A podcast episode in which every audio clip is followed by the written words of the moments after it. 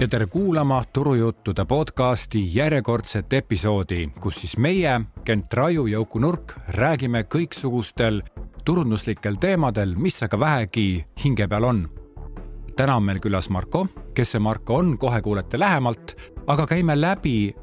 teekonna, et kui sa näiteks toodad Eestis mingit toodet ja tahad seda müüa välismaale, siis kuidas teha reklaami sotsiaalmeedias ja üleüldse internetis head kuulamist sulle.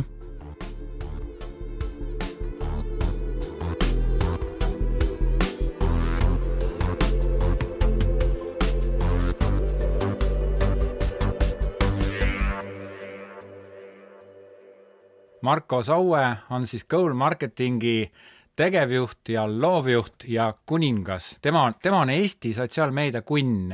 jah, et ma olen äh, üle kümne aasta tegelenud sotsiaalmeedia turundusega ainult, nii et, äh,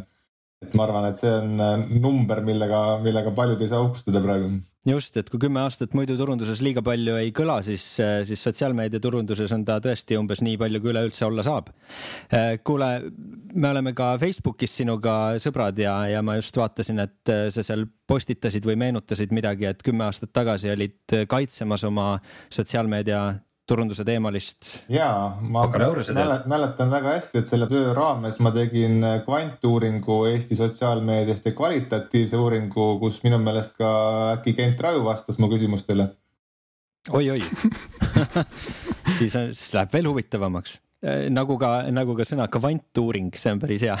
see kõlab natukene justkui midagi muud kui kvalitatiiv veel, midagi veel vingemat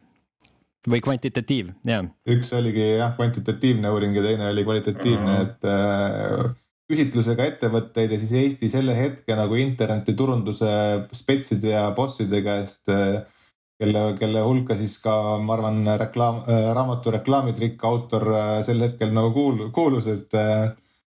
et igal juhul kuskil kümmekond jah, Eesti head nagu internetiturundajad sel hetkel äh, andsid enda arvamuse, et kas sotsiaalmeedia nagu läheb äh, popiks või ei lähe ja kõik tegelikult sel hetkel arvasid, et, et sellest saab nagu uus äh, väga oluline turundus, äh, turundusviis. kuidas sul, aa, kõik täitsa arvasid nii jah, ma just mõtlesin küsida, et kuidas sul koolis selle teema nagu äh, ettepanemine läks, et kui sa ütlesid, et sa tahaks just sel teemal kirjutada, kas olid mingid vanakooli õppejõud, kes ütlesid, no mis asja poiss, et see pole mingi turundus oi, Katri Kerem oli mul juhendaja ja tema oli noh, väga-väga kõva abiline ja, ja toetaja ja, ja noh, selles mõttes meil koostöö sujus väga hästi ja töö sai ka selline päris hea, et me tegelikult sotsiaalmeedia turunduse aluseks võtsime äh, emaili turunduse ehk siis nõusoleku turunduse, et selle, et, et ettevõte saab inimese käest kontaktid kätte ja, ja, ja nõusoleku talle saata mingit infot või kirju, et ma võrdlesin seda põhimõtteliselt nagu Facebookis äh, fänniks hakkamisega on ju, et sa oled andnud nõusolekut, jah, ma tahan saada sinu käest rohkem infot. see on nagu su enda isiklik Facebook, enda, enda kontaktid ainult ja kellele ainult sina saadad reklaamsõnumeid, no vähemalt enda poolt no kunagi see oli jah, rohkem niimoodi, et, et see sinu fännibaas oligi sinu enda auditoorium. praegusel hetkel me teame, olukord on oluliselt muutunud ja me oma fännibaasini ka ei jõua oma postitustega ilma rahata, nii et. et olukord, olukord muutub. kuidas see, kuidas see siis kümme aastat tagasi, äh, kõigepealt, äh, kas üleüldse emaili turundus oli nõusoleku turundus juba tol ajal või siis oli äh, metsik lääs, et saada kellele tahad? sisuliselt oli selles mõttes kes Seth Godin vist äkki kirjutas emaili turundusest äh, juba kümme aastat võib-olla enne seda nagu. et kahe tuhandete algustes äh, äh, nõusoleku turunduse raamatu ja, ja, ja, ja põhimõtteliselt nagu meil praegu see nagu GDPR on seda olukorda teinud nagu keerulisemaks, et peab olema ikkagi päris, päris nõusolek aga klassikalises mõttes, et nagu liitub meie uudiskirjaga on ju meie veebides olnud ju, ma ütleks, et aastakümneid, et ja mis põhjusel see inimene selle uudiskirjaga siis ikka liitub, et ega keegi uudiseid ei taha lugeda ettevõtete lehtedelt, et see peab olema mingisugune väärtus või mingi präänik, mida ta tunneb, et ta sellelt äh, ettevõttelt siis saab, et äh, muidu ta ju oma kontakte ei jaga igale poole laiali, täpselt samamoodi nagu sa ei käi Facebookis ringi ja ei like'i random lehti. sa pole vist mind näinud Facebookis. Võib ka nii olla.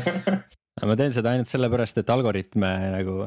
segadusse ajada. segadusse ajada jah. et sa tahad näha reklaame naiste pesuga ja just, ma tahan näha kõiki võimalikke reklaami ja nende reklaame ja nende variatsioone, mõistagi.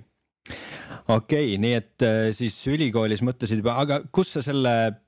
peale üldse tulid või, või kus see niimoodi sotsiaalmeedia kärbes sind hammustas siis kaks tuhat kümme aastal, et? ta hammustas tegelikult kaks tuhat üheksa, et ma hakkasin sellega kaks tuhat üheksa tegelema ja mul äh, abikaasal äh, oli sel hetkel selline väikene e-pood, mis, äh, mis vajas tugevat turundusabi ja siis me hakkasime katsetama, hakkasime tegema Facebookis äh, igasuguseid oktsioone ja loosimänge ja, ja noh, kõikvõimalikke promotion'id, mida üldse nagu on. et ühesõnaga mul oli hea nagu selline materjal, mille peal kõiki ideid ja lahendusi testida ja siis me olime seal tegelikult päris edukad, et me saime selle, selle ühe väikse e-poe Facebooki fänniarvu, ma arvan, Eestis äh, suuruselt mingi, ma ei tea, teiseks või kolmandaks või neljandaks, nii et äh, et sealt tuli see õppimine ja samal ajal selle nagu nii-öelda praktilise õppimisega, siis ma kirjutasin seda magistritööd ja, ja siis, kui see magistritöö sai kaitstud, siis äh, oligi loomulik äh, teha sotsiaalmeedia turundusagentuur kusjuures väga, väga kihvt lugu, et selles mõttes sa ei ole nagu kusagilt kuivalt pinnalt hakanud, vaid sul on nagu konkreetne case, konkreetne lugu, mida sa räägid ja ma arvan, et äh, ma pakun, et sinu abikaasa poemüügid läksid ikkagi ülesmäge peale seda, kui te hakkasite tegelema juba toona Äh, sotsiaalmeedia turundusega või? ja katsetustega? või kahjuks ei tulnud või me nägime, mis seal nagu töötab ja mis ei tööta ja tegelikult nagu me saime, saime nagu korralikult sellest müüki, aga noh, seal oli nagu muid äh, igasuguseid äh, ärimudeli ja tarneahela probleeme, nii et sellest nagu ettevõttest nagu praegu ei ole nagu midagi järgi, et aga, aga kogemuse mhm. sai väga kõva, aga. aga need asjad, mis toona töötasid sotsiaalmeedia turunduses kuidas need on ajahambale vastu pidanud, kas needsamad best practices töötab praegu ka või mitte? no selles mõttes äh, see sotsiaalmeedia turunduse algus oli ikkagi see, et, et võidab see, kellel on surres rohkem fänne või kellel on suurem fännibaas, äh, käis nagu võidu relvastumine, et sul pidi olema noh, näiteks kolm mobiilioperaatorit on ju, et omavahel ikkagi väga konkreetselt benchmark isid Äh, kellel on rohkem jälgijaskonda, sest see sel hetkel oli ikkagi väga suur väärtus, et me võtame praegu näiteks nagu noh, emaili baasi, kellel ikkagi suur emaili baas on, siis ta suudab nagu päris nagu korralikult tänu sellele endale noh, käivet teha või traffic ut, mida iganes, et, et äh, käis jah, nii-öelda fännibaasi kasvatamine, see oli meie peamine töö, et mul oli isegi üks sõber, kes tegi endale ettevõtte, mille veebilehe nimi oli rohkemfänne.ee ja, ja nagu päriselt nagu ja ma võin selle sõbra nime öelda ka, et see on, see on praegu no sedalaadi teenused ei ole muidugi kaugeltki välja surnud, eks, et. Äh, ja, ja muidugi, et äh, aga, aga sellest tasub, tasub mainida, et, et sellest rohkem fänne äh, noormehest on praegu sirgunud Eesti üks kõvemaid äh, tulemusturundajaid Timo Porval Lavist, et, et kui võib-olla keegi teab. temal oli kunagi rohkem, rohkem fänne jah, et, et tegelesime kõik tegelikult sellega, et tuua ettevõtetele fänne, sest fännidele nii-öelda informatsiooni jagamine põhimõtteliselt nagu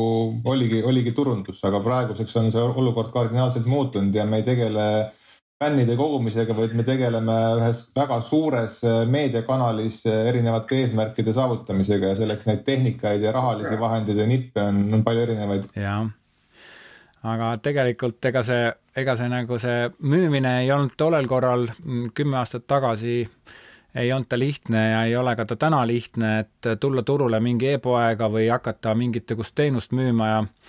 üks asi on võib-olla pakkuda oma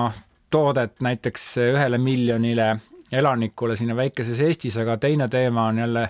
minna siit Eestist välja, et nüüd, kui ükstapuha, kes ja mida toodab Eestis, siis noh, see, et Eestist välja minna, see on nagu täiesti loogiline samm. Ja sellepärast me mõtlesimegi, et tänases episoodis me natukene arutleme niimoodi live-vestluse käigus, et et kuidas võiks olla või mida peaks ette võtma siis, kui sa istud siin Eestis ja toodad midagi, kas või näiteks puitmaju Peipsi ääres või toodad sa, mida veel? prilliraame no,. sa ei peagi midagi väga tootma, see võib olla täiesti mingi digitaalne teenus, mida sa ja. lihtsalt äh, müüd üle maailma. jah, aga me, me mõtlesime, et me keskendume tootele, sellepärast et see toode võiks olla midagi niisugust, mida sa saad füüsiliselt katsuda. et kui see toode on nagu digitaalne, siis on sul teised reeglid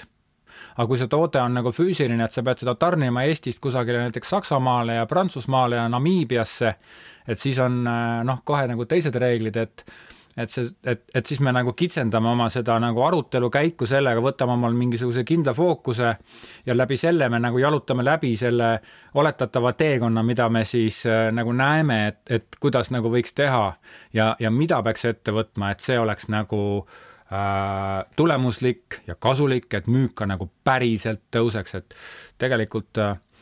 on äh,, on see asjade tootmine on niisugune väga, minu jaoks ta on kogu aeg olnud selline noh, ma olen alati mõtelnud, et ma võiks midagi toota, aga ma ei ole see maske. inimene. maske jah, nüüd võiks maske toota. aga kurat, ma olen õmblemises nii kehva, tead. Uku, sul on väga hea nagu, nagu lähtekoht on, et kui meil on füüsiline toode ja siis et sa ütled nagu, et on loogiline minna kuskile Eestist välja, et see Eestist väljaminek peaks siis nagu sellel ettevõttel ikkagi tulema sel hetkel, kui Eesti turg on ammendunud, et kui ta nagu näeb, et et siin nagu sellised ekstra pingutused enam nagu ekstra müüki ja käivet ei too, siis on vaja kuskile nagu edasi minna, aga üsna tihti nagu ettevõtjad, kes midagi toodavad, nad mõtlevad, et tegelikult nende turg on terve maailm, nad võivad müüa ükskõik mis riiki, onju. turundusest kahjuks seda nagu niimoodi on nagu jube keeruline teha, et, et ükskõik mis riiki või kõikidesse riikidesse korraga nagu ma ei tea, erinevate kanalite kaudu olemas olla, et, et selles mõttes võiks nagu nagu võib-olla vaadata siin lähiriike, et logistilises mõttes nagu võib-olla parem on ju, et äkki nagu midagi äh, Soome teha, midagi Lätti teha, et, et see on nagu, nagu, nagu selles mõttes nagu, nagu äh, asukoha mõttes nagu lähedam. Aga kindlasti peaks nagu vaatama ka riigipõhiselt, et võib-olla mingisugune riik on selline, kus sinu tootel ei ole sellist konkurentsi, et noh, ma arvan, et kui sa lähed oma mingisuguse konkreetse mingisuguse puidust mingi kulbiga lähed näiteks nagu Soome müüma, siis nagu Soomes see puidust kulbi turg võib nii täis olla nagu, et sul ei ole mõtet sinna minna, et sa pead nagu valima ikkagi kõige väiksema vastupanuga nagu turu on ju, et, et kus nagu see kõige popim või kõige nagu paremini. no siin äh, ütleme, et äh, kuna ma tegelesin vahepeal jäätisega ja jäätise blogimisega, siis äh, ma tean seda, et jäätist vanasti sai transportida üheksasada kilomeetrit ja tänapäeval on niimoodi, et saab tuua igalt poolt, nii et noh, põhimõtteliselt kuni Moskvani sai nagu jäätist viia, sealt edasi ei saanud, sellepärast et ta sulab sul ennem ära. toode ei ole enam. ilma külmkapita pidid transportima seda nii kiiresti, nii kaugele kui võimalik külmkappidega ja tänapäeval sa võid seda jäätist tuua põhimõtteliselt juba kus kohas sa tahad, on ju, ainult e-, eeldus on loomulikult suured mahud, niimoodi, et Eestis müüdi Bulgaaria jäätist ja see oli siis Copa della Maga bränd ja minu meelest tuuakse seda kohati ka kaugemalt ja see näiteks, kes tahtis Copa della Maga jäätist müüa Eestis, see fail'is sellepärast, et ta ei noh, ta küll mingil määral tegi seda turundust, aga noh, see, see nagu polnud see, eks ole, nii et näete, ei ole niimoodi, et sa jalutad Eesti turule ja hakkad kusagil teises maas midagi tegema ja aga kui ma seda jäätist ennast vaatan, siis see oli nagu fantastiline jäätis, et ta oli nagu väga kõvade argumentidega jäätis, millist Eestis ei ole siiamaani tehtud ja ei ole ja seda ma tean ka, et, et Eestist tehakse jäätist ja müüakse Šotimaal näiteks. Eesti jäätist müüakse Šotimaal, nii et kas või jäätise müümine Šotimaale, noh, loomulikult nad ei müü seda oma brändi all, mis oli ka minu suur küsimärk, kui ma nendega suhtlesin, on ju, aga kas see tehniliselt on võimalik? Ja on, kas inimesed söövad igal pool maailmas jäätist, muidugi söövad, on ju. nii et äh, siit, siit tulebki nagu mängu esimene niisugune mm, punkt, et ja tegelikult Marko, sa sellele ka nagu vihjasid juba, on nagu sihtgrupp, eks ole, et aga kas see sihtgrupp üldse neid puulusikaid või neid jäätiseid tahab, et kui me räägime puulusikatest Soomest veel, siis minu arust siin on see, et Soome hakkab puulusikat tegema, aga Soomes on teistsugused puulusikad ja nad seda sinu asja võib-olla või Eestis toodetud puulusikat võib-olla ei noh, nad ei, nad ei saa üldse aru, et mis see on, on ju. aga siit tegelikult tulebki nagu võib-olla nagu üks selline internetiturunduse lahendus, et, et kui sa tahad reaalselt ikkagi mingisugust oma nišitoodet müüa online'is välismaale, siis sa ei pea nagu tegema seal nagu sihtturul võib-olla nii nagu suurt mingisugust reklaamikampaaniat, et seda teha, vaid sa pead lihtsalt sellele inimese valule või probleemile keht-, nagu keskenduma äh, mida sinu toode lahendab, ehk siis kui keegi guugeldab, ma ei tea, Soomes või, või Rootsis või Saksamaal äh, mingisugusele oma probleemile lahendust, ma ei tea, kuidas selga sügada, onju siis tuleb sinu see puulusikas oma reklaami või selle asjaga seal nagu välja. ehk siis nagu on paar nagu sellist reklaamikanalit, mille kaudu on võimalik teha sellist nagu praktiliselt korraga terves maailmas nagu olemasolevat äh, turundust, et noh,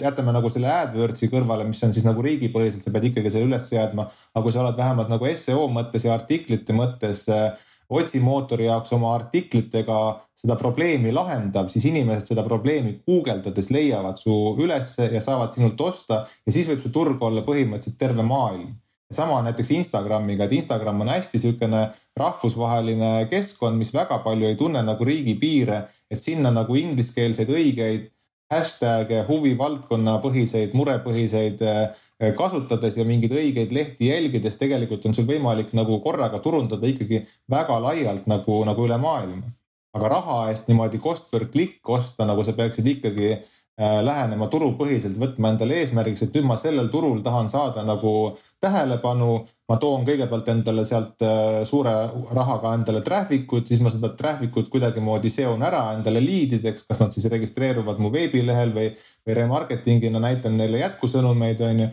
aga see peab olema ikkagi konkreetselt, võtame ühe turu kaupa, ühe linna kaupa, sest äh, kellelgi ei ole nii palju raha, et nagu terve maailm ära katta aga kuidas, kuidas teha internetis seda sihtgrupi uuringut või näiteks äh, Boost Yourself Mm, tema müüb minu meelest väljamaale ka, eks ole ju. või kuidas, kuidas nagu nemad, me peame selle Sven Nuum vist oli jah, me peame selle mehe kutsuma siia, kuidas nad nagu saavad teada, et, et nad müüvad ju, ma ei tea, umbes Austraalias ja Londonis igal pool on ju, et kuidas, kuidas nad saavad teada, et, et seal riigis see asi nagu päriselt ka nagu müüks? hästi oluline asi, vaata see, millest te mõlemad äh, praegu rääkisite tegelikult, aga nimetamata siis selle asja nime on äh, turuanalüüs. Ja see puudutab siis nii äh, selle, ütleme selle toote positsioneeringut või üldse nagu relevantsust seal turul. Ja lisaks siis seda, et, et seal konkreetsel turul siis, kes on see sihtgrupp ja, ja missugused on tema vajadused, et isegi kui, kui sihtgrupp justkui on sama, et, et näiteks siis äh, ma ei tea, kodukokad siis nende vajadused võivad ikkagi olla päris erinevad ja võib-olla, võib-olla isegi selliste ähm,. võib-olla natuke kindlam on tegelikult sihtida sedalaadi äh, tunnuste põhjal, mis on siis nagu jah, huvipõhised versus demograafilised, mis äh, piirkonniti või äh, niimoodi geograafiliselt võivad päris palju erineda, et noh, näiteks noored siin või noored Namiibias, eks ole et võib-olla tõesti mingisugused kokandushuvilised on pigem, äh, pigem homogeensem äh, selline grupp kui, kui lihtsalt. Äh, no pluss on väga palju tegelikult ju vaata ka kultuurilisi erinevusi on ju, et kui meie siin teeme nagu sauna koos soomlaste ja venelastega kõvasti on ju, siis nagu Hispaaniasse me seda Soome sauna nagu väga hästi ei müü, on ju, et noh, me võime siin profileerida või analüüsida. oota, oota, oota nüüd, kus see jalgpall selle Eesti sauna ära ostis, Iglu või mis see on, see saun? Inglismaal jah, see oli, see ja, oli, see oli väga hea töö ja, ja, ja kõik, mis iganes, aga, aga noh, see ei ole nagu mass, mhm. on ju, et sa ei saa nagu müüa massi turule, kus selline traditsioon või komme puudub, on ju ja aga... või sul peab olema väga palju raha, mitte lihtsalt sellepärast palju raha, et sa peaksid tegema nii palju nii-öelda noh, reklaami ja, ja inimestele selle lihtsalt maha müüma, vaid pigem peab sul olema sellepärast palju raha, et sa pead olema võimeline looma selle turu sa pead olema võimeline looma selle, selle vajaduse ja selle populaarsuse ja ühesõnaga, et kõik selline, et sa mitte ei ei müü seda toodet, vaid seda mõtteviisi. ja see on nagu noh, megakallis loomulikult. Marko, kas sul on äh, oma klientide seast, kes turundavad, toodavad Eestis midagi ja turundavad, on sul mingisugused siuksed lahedad näited tuua, mida Eestis tehakse ja mida müüakse väljamaal kellelegi? ja nagu sama Silen, kes äh, meil käis ka Äripäeva raadiosaates äh, rääkimas oma nendest space idest või vaiksetest ruumidest ehk siis äh, alates telefoni putkadest kuni, kuni koosolekuruumideni avatud kontorisse, et, et minu meelest on väga nagu selline praktiline, vajalik toode. selle toote turundus, noh alates sellest, et see on kõigepealt läbi edasimüüjate ja, ja messide meie poolt nagu digis käib siis niimoodi, et me võtamegi ühe konkreetse riigi, ühe konkreetse linna ja näitame sinna siis sellisele sobivale, kas kontoriinimestele või siis sisearhitektidele näitame äh, reklaami, mis kõnetab probleemi, et sa ei saa keskenduda, sa ei saa tööd teha, näed, siin on lahendus, vaata toome ta veebi ja siis veebist remarketingiga anname talle lisavõimalusi, et, et kasuta konfiguraatorit ja lae alla äpp ja proovi, kuidas see sul kontoris välja näeb ja nii edasi et selline, selline lähenemine hästi just konkreetselt fokusseeritult nagu turupõhiselt toimib, aga siis seal on ka see, et tegelikult kogu see distributsioon ja kogu see klienditeenindus on seal kohapeal juba olemas, et, et nendesse riikidesse, nendesse linnadesse on juba edasimüüjad leitud, kellel on showroom'id ja nii edasi. Veebis niisugune nagu huvi tekitamine lihtsalt nagu toetab seda füüsilist infrat seal taga. mul on äh, nagu sihuke näide, et äh, Eestist äh, müüakse maju Rootsi ja see on siis kuidagi nii, et see maja ehitatakse valmis mingit palkidest või sihuke väike maja ja Rootsis on samamoodi taolised kuidagi kui Eestis, et kui sa mingi oma õue peale paned maja, kui see on väiksem teatud ruutmeetritest, siis sa võid seda siia panna, sul ei ole vaja raha maksta ja noh, konfigureerida seda, mingi kooskõlastada mingi asjadega riigi, riigiga. ja see, see point oli nagu selles, et, et kuidas nüüd sihtgrupp nagu käitub et see põhimõtteliselt see asi algas sealt pihta, et kui sul ei ole niisugust veebilehte nagu rootslastel endil on selle maja müügiks, siis sa võid siin ulmemaju müüa aga rootslane ei tule lihtsalt ostma, sellepärast et see Rootsi maja, maja veeb, mis, mis umbes taolisi maju müüs, ma vaatasin, just tegin nagu niisugust äh, otsingut ja uurisin neid, siis see Rootsi veeb oli noh, niisugune ikka lilled ja liblikad olid seal ikka ja sihuke tore ja ninnu-nännu ja trillallaa ja trallallaa, sihuke noh, et samas muidugi teenindus käis läbi, nii et noh, üks väga konkreetne näide, et kui sa tahad ikkagi müüa Eestist palkmaju Rootsi, siis sa pead olema Rootsi pärane, sa ei saa, et Roos, tähendab rootslane ei ostagi maja lihtsalt nagu, et maja. ta võib olla soodus ja ta ei tahagi seda saada, see on umbes nii, nagu sa, ma ei tea, Marko, ega sa ei osta oma motikat ju Hiinast, Aliekspressist lähed klõbistad sisse, onju. vaatad, oo, samasugune kuradi nagu Yamaha see Enduro on ju, naked, et noh, et, et võtame ära, onju, kolmsada nelikümmend kaheksa eurot, kaheksateist senti, et noh, et see, et, et noh, et, et, et järelikult see, see sihtgrupi uuring peab olema. millest sa räägid, on ju, et see kohalik tekitab usalduse yeah. ja me ei saa siit nagu igasse riiki lihtsalt nii-öelda rahvusvaheliselt üldiselt müüa, et meil peab olema kohalik selline presence või kohalolek nagu. jah, just. just ja kui ma sellest analüüt- äh,, analüüsist rääkisin enne, et see turuanalüüs, siis see kindlasti tähendabki seda, et sul on kaasatud mingid kohalikud petsid, äh, kes äh, päriselt tunnevad seda kohalikku turgu, sest sa võid küll ja. ka eeldada, et umbes, et äh, noh, ma võib-olla midagi Soome kohta siin tean ja võib-olla paned vähem mööda kui mõne muu riigi kohta. aga sellegipoolest see päris soomlane ja päris lätlane ja need, need nagu räägivad sulle, kuidas tegelikult on ja see tunnetus noh, ongi, et ise ka olen märganud isegi Pan Baltic kampaaniate puhul, kui väga erinev on, äh, on siis turu ootus mingitele äh, reklaamidele ja sõnumitele ja näiteks huumoritaju et mis Eestis tundub naljakas mingile lätlasele või leedukale, no see on täiesti mingi teine ja vastupidi. et meile tundub mõnigi asi nagu üli-ülilabane ja napakas, mis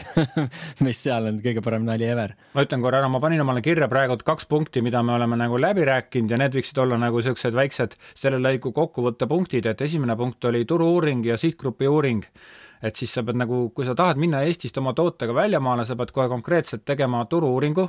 sihtgrupi uuringu ja pead sisuliselt aru saama, mida need inimesed seal sinu tootevaldkonnas tahavad. teine punkt, mida ma kirja panin ja millest me äkki nagu räägiksime lähemalt, on kohalik mees või naine ei, noh, see ei, see ei tähenda seda, et sa pead omale kohaliku naise võtma, onju. aga see, see tähendab nagu seda, et sul peab olema see jah, miks ka mitte, eks ole, noorte, noored mehed, tahavad, mis ta on, miks mitte, onju. aga et noh, et, et sul peab olema seal kohapeal keegi, kes täpselt seda asja nagu tunneb ja kusjuures äh, ma võin äh, kogemuse põhjalt ütelda, et kui sul on ainult kohalik inimene seal, siis sellest ka ei piisa, sest aga ta ei pruugi nagu kõiki asju tunnetada, kuna tema on selle mulli sees. Väga hea nagu sellesse teemasse läheb sisse see, et, et me teeme ühele, ühele kliendile, mis toob sellist rahvusvahelist brändi äh, maale Eestisse, Lätti, Leetu, teeme kolmes riigis korraga kohalikes keeltes sotsiaalmeediaturundust lihtsalt niimoodi, et põhimõtteliselt täpselt sama sisu, mis on Eestis, on Lätis ja on Leedus, sama meediaeelarve, sama fänni arv on isegi nendel lehtedel. ja mis on erinevus, erinevus on kultuuris ja kultuuris selles mõttes, et leedukad on kaks korda rohkem postitustega engage ivad või nagu klikivad, like ivad, kommenteerivad, jagavad mm. kaks korda rohkem kui eestlased ehk siis põhimõtteliselt täpselt samasugune sisu, täpselt samasugune meediaeelarve, ehk siis ei ole nagu mingisuguses postituses tekstis mil, milleski vahet ja lihtsalt äh, Leedus saavutab see reach'i oluliselt suurema, sest engagement on suurem ja engagement rate on kaks korda suurem. üks koma viis versus kolm protsenti engagement rate'i näiteks wow. mingil postitusel ja seda võib tähendada umbes, et kas sul on postituse reach, äh, ma ei tea, viiskümmend tuhat või, või üheksakümmend tuhat, noh. selles mõttes äh, see, see ei ole nagu seotud sellega, et Leedu turg on suurem või ma ei tea, Leedu Facebooki kasutajaid on näiteks rohkem, see on ikkagi konkreetselt inimese loomusega, et neile meeldib rohkem, ma ei tea, sisu like ida, kommenteerida kui meile eestlastele, võib-olla me oleme oma mängude ja kampaaniatega okay, Eestis ära töötanud. sellest meenub meenub see teema, et erinevates riikides on ka ju erinevad sotsiaalmeedia keskkonnad, et mitte ainult see, et see populaarsus on ühe või teise kasuks, vaid äh, Läti näitel ju konkreetselt see Draugiem äh, või, äh, või Venemaal Vkontaktje ja mingites veel venemeelsetes riikides. et kuidas on sinu suhtumine neisse või, või arusaam või, või kas sa üldse püüad ennast sellega ka kursis hoida ja seal midagi teha või need on nagu out ja, ja need lääne kanalid? see oli kunagi nagu mõningaid aastaid tagasi, kui oli probleem, et Lätti Facebookis ei ole mõtet turundada, et seal on nii vähe inimesi, sest kõik istuvad Traugiemis.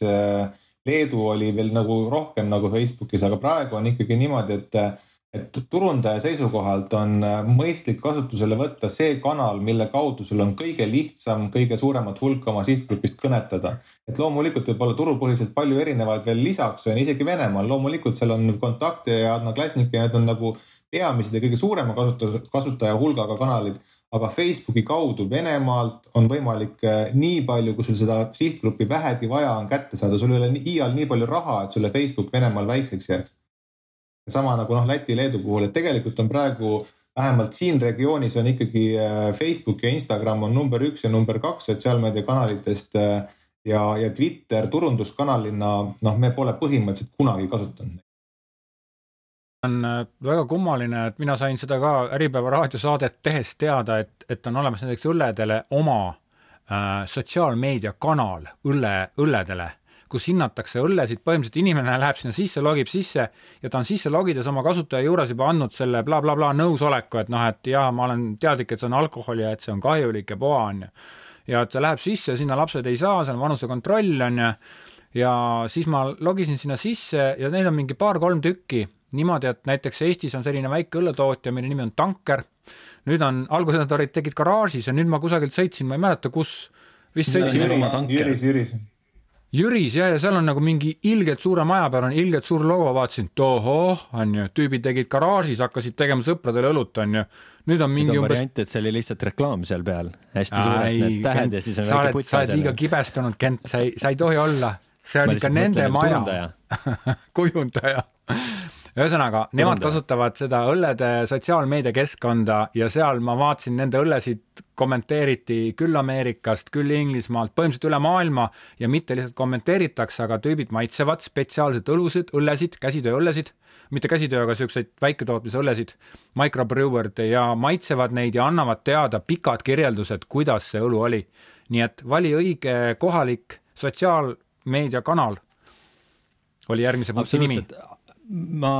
siia omalt poolt kommenteeriks juurde, et ja tõepoolest, et tegelikult ju sotsiaalmeediakanal on noh, igasugune kanal, kus inimesel on võimalik sotsialiseeruda, eh, suhelda ja nii edasi, ükskõik kui kinnine või väike ta põhimõtteliselt on, et olgu see see, ma ei tea, mis see täpselt see õlle oma oli, võib-olla bear rate või mingi selline. Eh, ma ise olen näiteks eh, Global Tea Huti, mis on siis tee kogukond nagu sellise liige ja seal on suhtlus ja kõik nii, aga ja kuigi see on selline hästi pinpoint hästi,, hästi-hästi täpne sihtimine, et kui sa sinna, sinna midagi sihid, siis tõepoolest see on nagu ülirelevantne nagu seltskond. teistpidi sa võid panna oma energia natuke valesse kohta tänu sellele, et lihtsalt lõppkokkuvõttes need numbrid seal on madalad seal on lihtsalt mingi die-hard fännid ja kui seal su kümme die-hard fänni kirjutavad küll kümme arvustust sinna ja on täiega sinu fännid, siis see ei aita sul nagu USA-s ikkagi väga kõva müüki teha tingimata. et kui sul just ei ole mingi kavalam strateegia veel, et sa tegelikult sealt püüad endale nii-öelda kõneisikut leida, kes siis läheb kuulutab, et kõik see on võimalik, aga lihtsalt ja arvestades, kui palju selline tähelepanu võtab see rohkem ja, ja tegelikult see võtab isegi rohkem tähelepanu, mitte ainult see, et sa paned sinna sama palju tähelepanu, kui sa peaks panema noh, sama tööd tehes sellise laiema kõlapinnaga sotsiaalmeediakanalis. vaid ta võtab rohkem tänu sellele, et seal on ju need tüübid, kes hakkavad skrutineerima su seda sõnumit ja asja ja toodet. et nad on asjas nagu nii väga sees, et kui sa nagu mingis telekafoorumis oma telekat seal müüma hakkad, siis noh, need tüübid võtavad nii pilbasteks sul selle asja, et sa pärast tahad sealt ära joosta nii et sa pead nagu vaatama jah, kus ja kui, kui detaili sa lähed. siit tegelikult me jõuame ühe nagu väga olulise osani, mis nagu võimaldaks sellise nišitoote või mingisuguse huvitava toote maailmas turundamist, et äh, Youtube erid, review'd, et äh, otsi välja enda sihtgrupile kõige sobivamad äh, maailma Youtube erid, võta nendega ühendust, küsi palju featured äh, mingisugune video maksab ja, ja saada neile toode ja, ja mina olen nagu enamus näiteks IT-vidinate osas, mida ma olen endale ostnud, ma olen vaadanud umbes kümme Youtube'i review'd ennem äh, läbi ja tellinud need kust iganes, kas ostnud siis Eestist koha pealt või kuskilt mujalt maailmast endale tellinud. et see ostukoht pole enam tähtis, aga, aga see tootja tänu sellele, et ta on oma toote andnud mingisugustele eh, suure jälgijaskonnaga Youtube eritele, kui sa Youtube'is nii-öelda guugeldad või otsid seda nagu ma ei tea, mingisugust eh, vidinat, siis see, video veenab sind ära seda toodet ostma. ja see jõuab tegelikult väga suure auditooriumini ja, ja sealtkaudu on noh, võimalik põhimõtteliselt müüa üle maailma kuule, aga see võib. kuidas kõige parem oleks selliseid Youtube ereid leida enda nišis? kuidas oleks parem, ma arvan, et äh, guugelda neid samu enda valdkonna märksõnu ja vaata, kes on teinud äh, sarnastest toodetest videosid. aga palju maksab, on sul mingisugune hinna, hinnanäidik olemas või? mul on üks äge hinnanäidik mitte Youtuberi kohta, aga on üks niisugune miljoni jälgijaskonnaga äh, arhitektuuri Instagrami leht tõesti üle miljoni eh, follower'i on sellel lehel ja seal oli niimoodi. las ma arvan, kui palju see maksab. oota, ma praegu mõtlen. ma arvan, et. üks postitus, ütle üks postitus. ja üks postitus. Okei okay,, tegelikult nagu sõltub miljon ja miljon, aga. ära, ära hakka nüüd, sa pidid ju. aga ma arvan, et üsna, üsna vähe, et tegelikult ma arvan, et kuskil tuhande kandis sa panid üle kümne korra mööda. ehk siis wow.. Äh, kümme eurot või? või tähendab sada ja, ja, ja. Äh, põhimõtteliselt oli vist, äh, kui me võtsime kolm postitust äh, sellise nagu komplekti pluss story ka vist äkki see maksis nagu kolmsada dollarit kokku. Ja siis neil on ja vau, vau, täpselt ja see on selline asi, mis viib katuse pealt ära, on ju, et ja tegelikult, kui sul on nagu üliäge asi noh, ma ei tea, näiteks seesama see Eesti ööd house'is sobiks sinna ülihästi, kõik laikisid seda. Neil on niisugune poliitika, et kui see postitus ei saavuta seal feed'is, see reklaampostitus ei saavuta üle, ma ei tea, kas oli kuue tuhande või kaheksa tuhande like'i. Nad võtavad selle mingi nädala pärast maha, ehk siis said oma reklaami, aga nad ei jäta nagu enda seda lehte või seda feed'i nagu selliste tobedate toodetega või noh, mitte nagu atraktiivsete toodetega, vaid jätavad sinna üles ainult kõige ägedamad asjad, et ähm, et on selliseid lehti ja on selliseid hindu, et see on minu, minu arvates küll nagu üks nagu soodsamaid ilmselt, et on ka sellised, kes küsivad tonn või paar nagu artikli või blogipostituse või video eest, aga. ma olen pigem sihukest asja kuulnud tasub küsida, lihtsalt tasub küsida, saata võimalikult paljudele laiali. tulebki vaadata, et mis see, mis see väärtus äh, sealt täpselt tuleb. tegelikult, kui ma ütlesin ka tuhat, siis ma mõtlesingi, et, et a la, et kuni tuhat, ma mõtlesin ise viissada kuni tuhat, et nii nad tavaliselt on.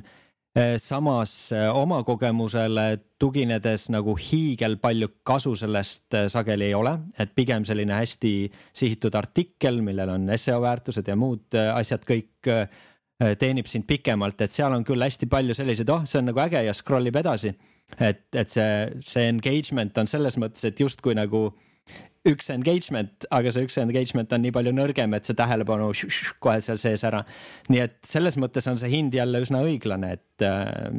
jah, no, no me, me mõelda, üritasime saada nagu sellega oma sellele ettevõtte nagu Instagrami kontole siis nagu neid äh, rahvusvahelisi jälgijaid juurde mm -hmm.. noh, võib-olla selle mm -hmm. kolme postitusega siukene, ma ei tea, paarsada võib-olla tuli nagu, et noh, mõtled okay. küll nagu, et miljon äh, jälgijat, et mõtle, kui suure auditooriumini ma jõuan noh, engagement oli võib-olla niisugune neli, viis, kuus tuhat äh, laiki.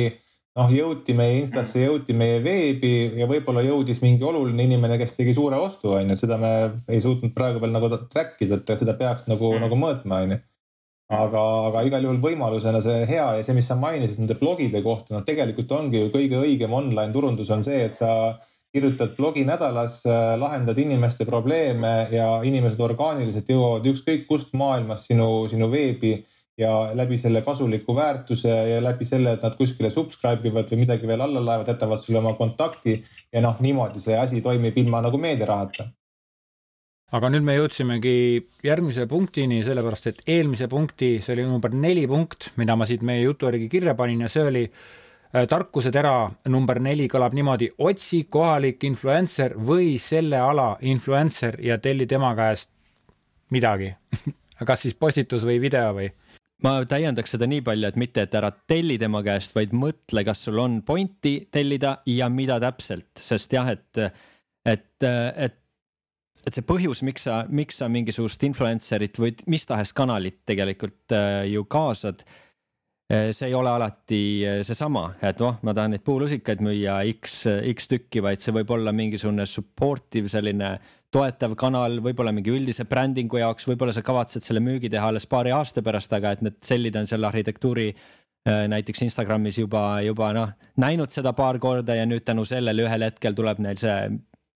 bränd tuttav ette lihtsalt. et seal on jah, palju aspekte ja mõtle need läbi, mitte ära mõtle jah nii, et hea küll, et paneme kõik raha sinna ja, ja, ja lihtsalt ja. äh, ootame müüki. eesmärke võib jah palju erinevaid olla, et kasvõi see nagu usalduseesmärk, et kui sa sellesama selle Youtuberi video paned enda veebi kasvõi siis nagu ta seal töötab juba sinu jaoks sellise nagu lisausaldus nagu. absoluutselt, võid seda kuidagi highlight ida, et featured in ja mingi, mingid teemad, eks. aga üks asi, mis siit käis läbi tegelikult ja ilma milleta minu meelest üldse ei saa väljamaale turundust teha ega ka Eestisse, on see, et sul peab olema ikkagi oma mingisugune, ma ei tea, blogi või veebileht, kuhu sa paned nagu regulaarset infot üles, sul peab oma feed olema. ja, ja see on minu meelest üks nagu kõige olulisemaid asju, sellepärast et Facebook võib keerata sul need asjad kinni, influencer'id sa ei jaksa tellida aasta aega mina näiteks tellisin Soomes, küsisin kokandusblogi tšiki seda ühte postitust ja ta tegi väga korralikult, väga põhjalikult, seletas, räägi, aga see maksis midagi tuhat viissada kuni kaks tuhat euri, üks postitus et see noh, nii et, et ses mõttes on väga mõttekas ikkagi hoida endal sisu ja ma tean, minu, tähendab, Marko Kent, võib-olla teil on teistsugused kliendid, aga ma olen nagu väga palju puutunud kokku sellega, et ei jaksata, ei väärtustata seda omaenda sisukanalit, seda omaenda veebilehte, omaenda blogi nii palju, et seda, see sinna nagu kulutatakse energiat ja ressurssi, et sinna luua sisu. Äh, absoluutselt, aga niipea, kui neile saab selgeks, et see ei ole selline firma uudiste jagamine ja midagi, midagi sellist, äh, vaid et see tegelikult toob reaalset klienti ja eelkõige läbi selle seo, siis, siis see asi väga-väga palju muutub mul endal on just äh, selline huvitav näide, et no siin on mõned, äh,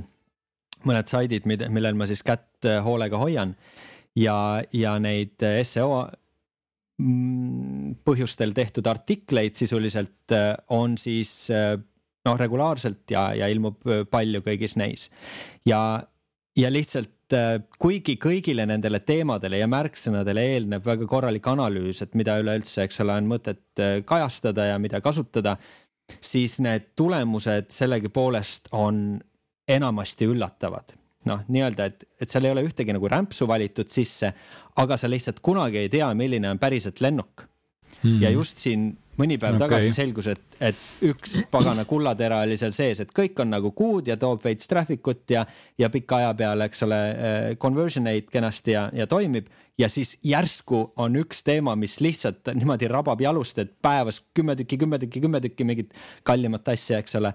eh, tuleb sealt otse conversion aid, et eh, see on lihtsalt, see on nii äge ja sel hetkel, kui klient näeb nagu seda, et et need sõnad, mida ma lihtsalt kirjutan sinna ja vajutan publish, ühel hetkel muutuvad talle rahaks niimoodi, et, et jah, nagu äh, Marko ka mainis, et, äh, et ilma, eks ole, lisatasuta, siis, äh, siis sel hetkel nad hakkavad kirjutama blogisid kusjuures ma toon siia sisse ühe huvitava fakti, et ja see on ka küsimus, Kent, Kentile meeldisid need küsimused. aga ma kardan, et ma olen seda sulle ütelnud juba, aga võib-olla ka ei ole. mul on nüüd praegusest hetkest neid podcast'e päris palju ja mina usun podcast'i ja mina pean podcast'i sisuturunduseks, on ju, naiivne mees, on ju. et no, äh, mis te arvate, mis on teine maa peale Eestit, kust kuulatakse minu väga erinevaid podcast'e kõige rohkem? mina vist juba tean, sa mulle äkki ütlesid seda ah,. no Kent Mark,. Markole siis ütlesidki, et mult, minult ei ole küsinud. jah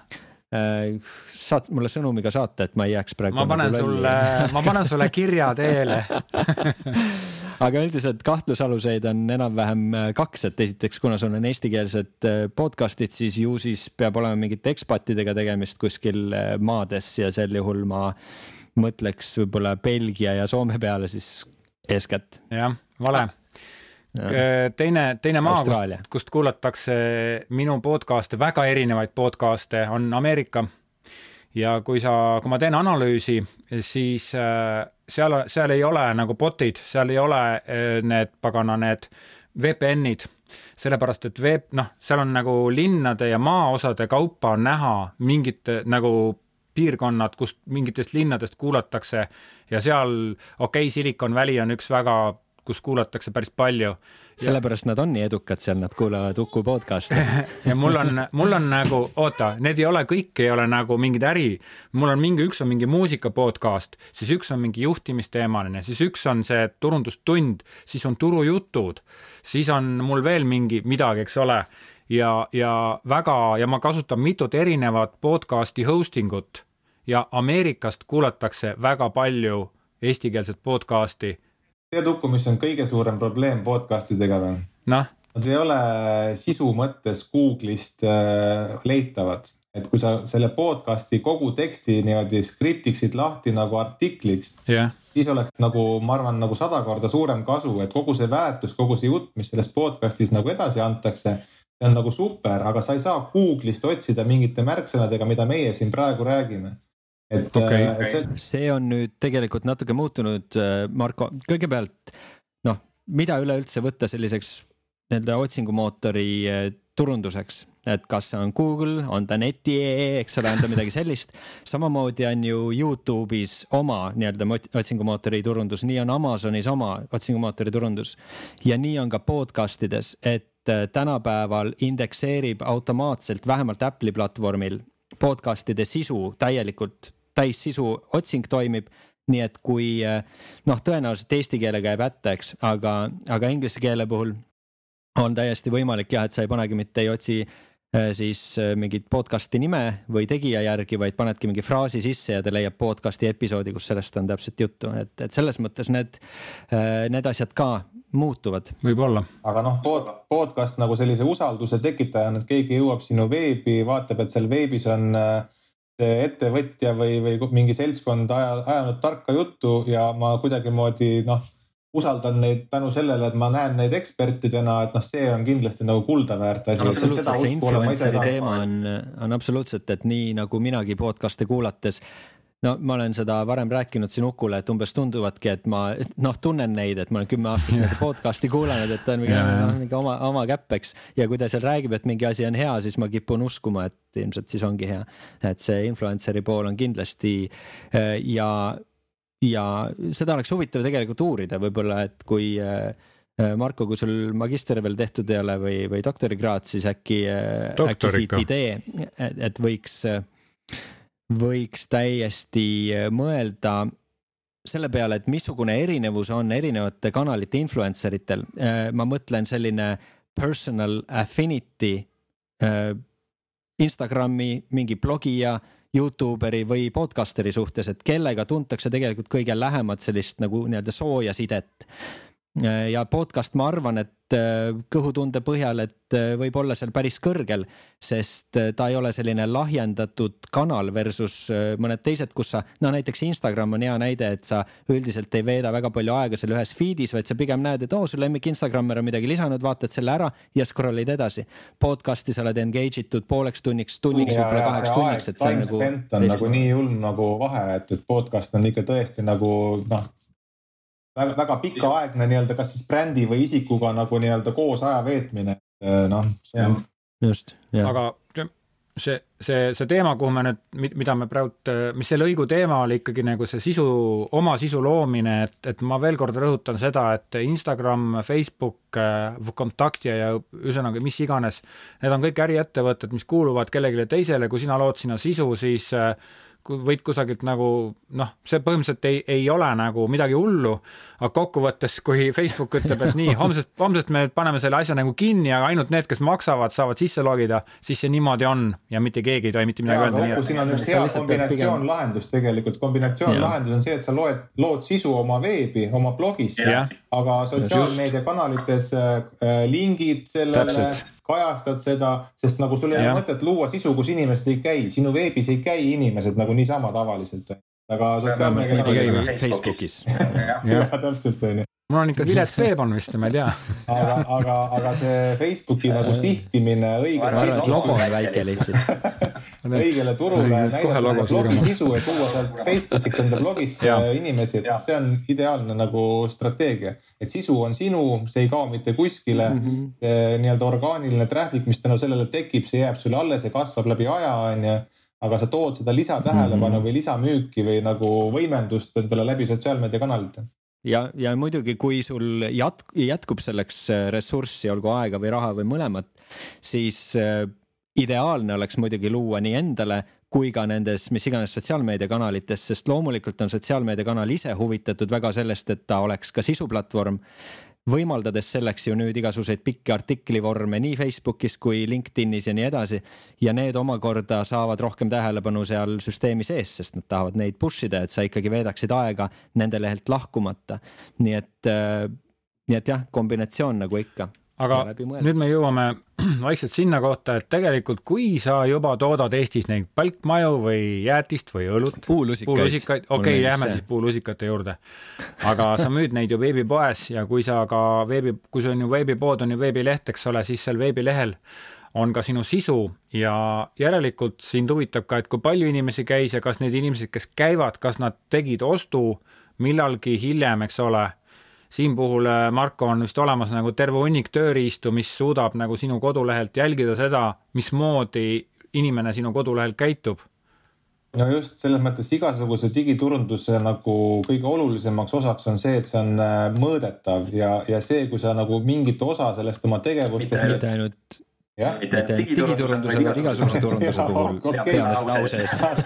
okei, nõus, aga ütleme nii, et see digiturunduse puhul on lihtsalt kõige nagu lihtsam teha ja see on nagu kõige suurem nagu surmapatt, kui sa digiturunduse puhul seda ei tee. et kus sul on võimalik viia täpselt kokku see, millise artikli, millise postituse peale tulnud traffic tegi su koduleheküljel, mida ostis, tellis, kui suur oli ostukorv ja nii edasi. et sa tegelikult teed neid turundusotsuseid selle põhjal, mida analüütika sulle ütleb, et, et no kust sul tuleb kvaliteetne traffic või kust mitte, et sa võid väga vabalt teha mingi bännerkampaania, mis toob sulle nagu mitu tuhat inimest veebi ja kui sa pärast vaatad analüütikast, et see eh, lehel püsimise aeg oli kolm sekundit on ju ja bounce rate oli nagu üheksakümmend viis, siis nagu seda kanalit ei ole mõtet sul nagu sellisena jätkata või sellise sõnumiga. Siinkohal muidugi väike täpsustus, et äh, esimese asjana vaata üle, et kuidas see maandumisleht sul oli. et noh, kolm sekundit on tõesti halb märk, aga,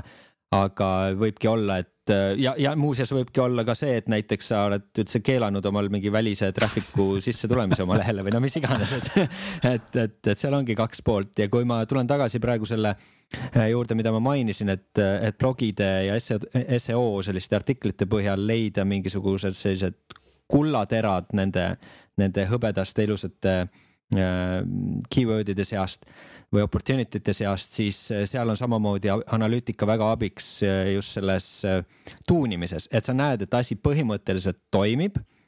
et haa, huvitav, kas ma saaksin selle bounce rate'i madalamaks või kas ma saaksin selle eh, lehel olemise aja pikemaks või äkki ma saan suunata nad paremini kuskil mingit conversion eid tegema. lisad väikse pildikese, väikse jutukese, vaatad, kas läheb paremaks või halvemaks, et siis kõik su sellised eh, head eh, suurepärased kullakaevanduslikud äh, lehekesed, sa saad neid tänu analüütikale muudkui paremaks teha. selles mõttes nagu, et kümme protsenti nagu igas sellises etapis äh, paremaks, parem reklaamtekst kümme protsenti, parem conversion rate kümme protsenti, parem nagu purchase value kümme protsenti, need annavad lõpuks sulle nii suure nagu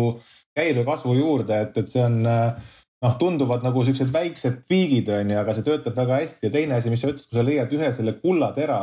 seda kullatera tõlgi teistesse keeltesse, äh, postita teistele turgudele, kui sa nägid, et ta sul ühes turus on töötanud, siis üsna tihti on see, et, et sisu toodetakse nagu lineaarselt järjest kogu aeg juurde, aga ei taaskasutata nagu vana sisu, et võib-olla sul on eelmise aasta kevadel tehtud mingi selline postitus või bänner, mis tõi sulle rämedalt hästi müüki ja sa praegu toodad uusi juurde, mis nii hästi ei tööta, et tegelikult sellise nagu vana taaskasutamine või vana vana artikliga või vana teemaga nagu uute inimeste pealetoomine uuelt turult on võib-olla nagu üks sihuke mõte, mida, mida võiks kasutada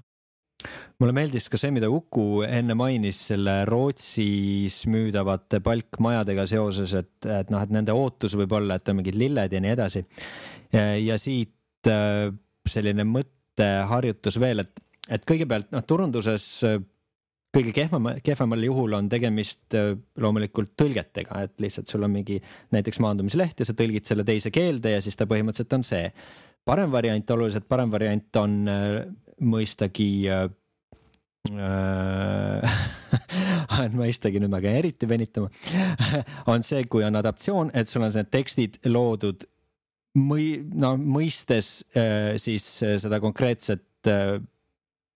teist rahvust, kellele sa seda, seda lood, see puudutab siis tekstide adaptatsiooni. ja nüüd kolmas tase on veel see, et tõesti, et su maandumisleht erineb suhteliselt kardinaalselt mõne muu riigi jaoks mõeldud maandumislehest ka visuaalide mõttes, et seal ongi lilled ja asjad, mis sul mujal ei ole, võib-olla mujal on kruvid ja naelad. ühesõnaga, et selline mõte siia juurde. aga Marko, ma saan aru, et äh, sul on aeg nagu äh, liikuda edasi järgmistesse kohtadesse, et me täname sind äh, meie ep-. Marko läheb Facebooki. Marko läheb nüüd Facebooki. me täname sind siia meie episoodi tulemast ja, ja et sa aitasid meil kaasa arutada nendel välismüügiga seotud teemadel, et aitäh sulle ja ma kardan, et me peaksime seda vestlust millalgi jätkama, sellepärast et meil tegelikult jäi pooleli veel. See on suur teema. teeme, teeme Vol kaks nagu, nagu järgmine kord ja, ja ma olen täitsa nõus. on, on millest rääkida. nii, aga nüüd Marko läks ära ja me liigume vaikselt saatega edasi, episoodiga õigemini. ja nüüd me oleme teinud oma mm, varasemates lugudes ikkagi väga palju selliseid, sellist kriitikat ja saabub mida hekk äkki rubriik. Mida äkki on väikene rubriik meie turujuttude podcastis, kus me toome esile, arutleme ja käime läbi sellised case'e, mis kriibivad nii silma kui ka kõrva või no siis, mis lihtsalt kriibivad ja ei lase rahulikult elada, ei lase rahulikult olla ja lihtsalt jäävad ette. nii, ja läheme nüüd siis selle Mida hekki teema juurde. täna toon mina välja Mida hekki teema ja see on seekord positiivne. ei mingit kriitikat. nimelt äh, ma ei tea, kustkohast, millised paisud on äh, valla läinud ja, ja kus kohas on midagi nagu positiivses mõttes äh, plahvatanud. igal juhul, kuna mina vaatan televiisorit, no see on see neljakandiline, mis seina peal tavaliselt see antennidega kaks antenni on üleval, eks ole, ja, ja, ja siis ja, ma tean, olen püsti näinud. ja, ja seal reklaamiplokkides on niivõrd palju häid ja huvitavaid eestimaiseid eh, telereklaame, et lausa lust on vaadata. üsna mitu poeketti, üsna mitu tootjat on tulnud väga huvitavate heade reklaamidega välja, nii et eh, aina kiidan takka ja ütlen, et, et küll on tore, et esiteks meil oli kriis reklaami mõttes teiseks äh, on tunda ka mingisugust uut lainet niisugust, et päris palju on tulnud niisugust huvitavat ja värsket ja, ja lahedat äh, reklaami siin, okei okay,, nüüd inimesed tahavad teada, no too mõni näide. no näiteks äh, ma isiklikult võin öelda, et mul ei ole Maxima reklaamid kunagi eriti nagu meeldinud. aga viimane Maxima reklaam või kaks või kolm reklaami, kus räägitakse sellest, kuidas nad seal pühivad neid korve ja teevad ja need on näha, et seal on mingi teine tootja, on tunda, et nad on kuidagi huvitavamad, kuidagi siiramad, kuidagi nagu ühe lennuga, ühe jutiga väga hästi ja tubli Maxima, tõesti nagu lahedad klipid on, et, et kiidan ja mõjuvad, noh, ega, ega Maxima poed ise vast nagu nii ruttu ei muutu, aga vähemalt see kuvand muutun, on küll nagu muutunud nagu paremuse poole.